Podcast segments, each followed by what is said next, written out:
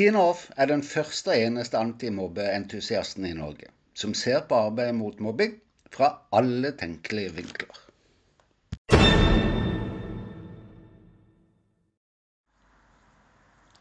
Episoden i dag vies til skolemiljøloven og den nasjonale tiltaksplanen mot mobbing. Åssen ligger vi an?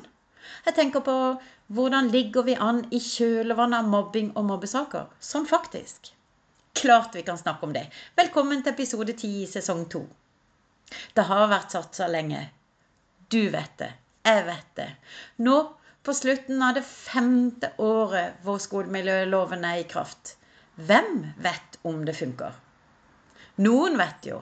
Ja, ja, klart. Det enkelte barn, selvfølgelig. Men også foreldrene. I én sak. På én skole med én rektor, én lærer, kanskje en assistent, en fra PPT, en fra BUP. Ja, ja, ja. Du skjønner tegninga. Men helt ærlig, hvem vet hvordan vi ligger an? Hvem kan svare på om skole- og klassemiljøene er bedre? Om det er mindre mobbing i skolen? Om saksbehandlinga funker bedre? Sånn oppsummert. Ja, for det er jo superduper interessant å vite. Nei, Nei, nei, nei, ikke på papiret. For det som er skrevet, vet du, det er valgt. Og trenger slettes ikke å speile realiteten. F.eks. bare husk på de der 40% av elevene som ikke sier fra til voksne når de opplever mobbing, som forskning opererer med. Det er den samla forståelsen fra de altfor mange enkeltsakene som er interessante, og ikke minst de langvarige, når et system skal vurderes for så å kunne forbedres. Har vi noen sånne folk som faktisk vet? Nope. Zipp. Nada.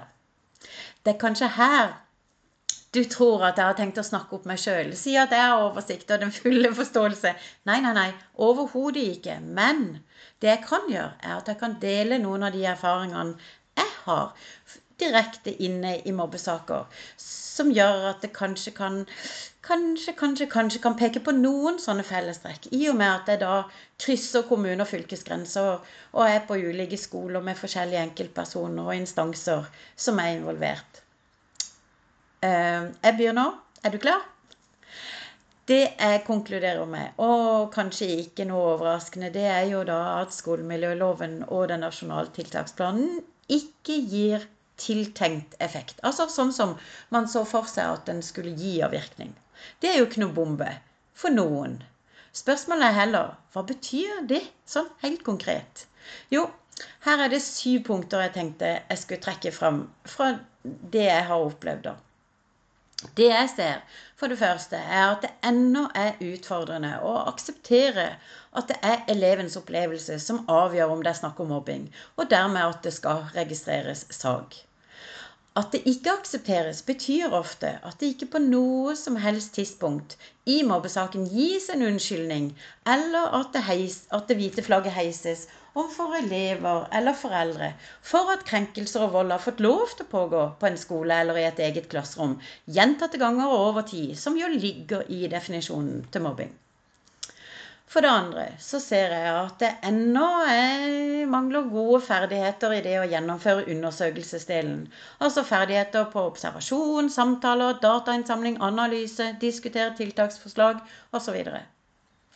For det tredje så ser jeg også at det er mange som ikke får helt taket på dette her med aktivitetsplanen og bruken av den. Hva som skal med som et minimum, eller hva det er lurt å ta med. Det viser seg også utfordrende å bruke dette dokumentet aktivt i saksbehandlinga, altså som et dynamisk og felles arbeidsdokument. For det fjerde så ser jeg at skolen forholder seg fortsatt til foreldre som kun informasjonsmottakere i mobbsaker, og opplever foreldre som vanskelige når de stiller spørsmål eller sier nei til skolens forslag. Det er bare det, folkens, at foreldre har sjefsrollen for sine barn i kjølvannet av mobbing. Fordi det da dreier seg om så mye mer enn læring og utvikling. Der skolen da opplever motstand, så ser jeg at det ofte reageres med en overrepresentasjon av offentlige ansatte i, i sagaen, altså, og som deltar på disse møtene nasjonale instrukser, veiledere, om at skolen skal ha god intensjon og påse at maktfordelinga mellom skole og hjem reduseres, har altså fortsatt potensial for forbedring.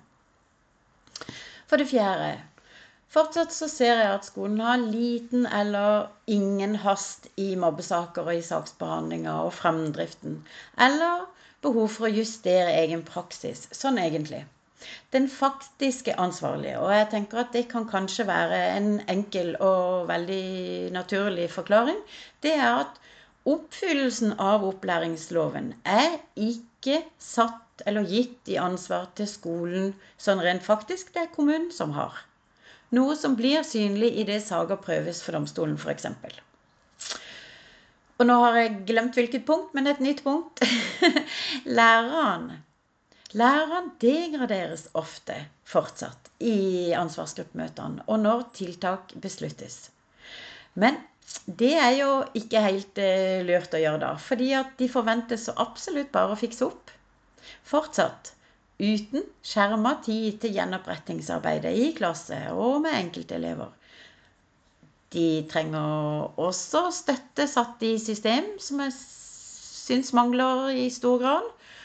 Og ettervernsfokuset drukner veldig lett i arbeidet. Siste punktet jeg har tenkt å ta, og bare for å ha sagt det, så har jeg ennå altså ikke truffet på en eneste skole, en eneste mobbesak, der eleven får bli stående i fokus gjennom hele saken i saksbehandlinga, og gis en verdig avslutning når mobbesaker endelig lukkes. Så det er altså litt av hvert å tusle med fremover, folkens. Det var det hele. Ha en god uke.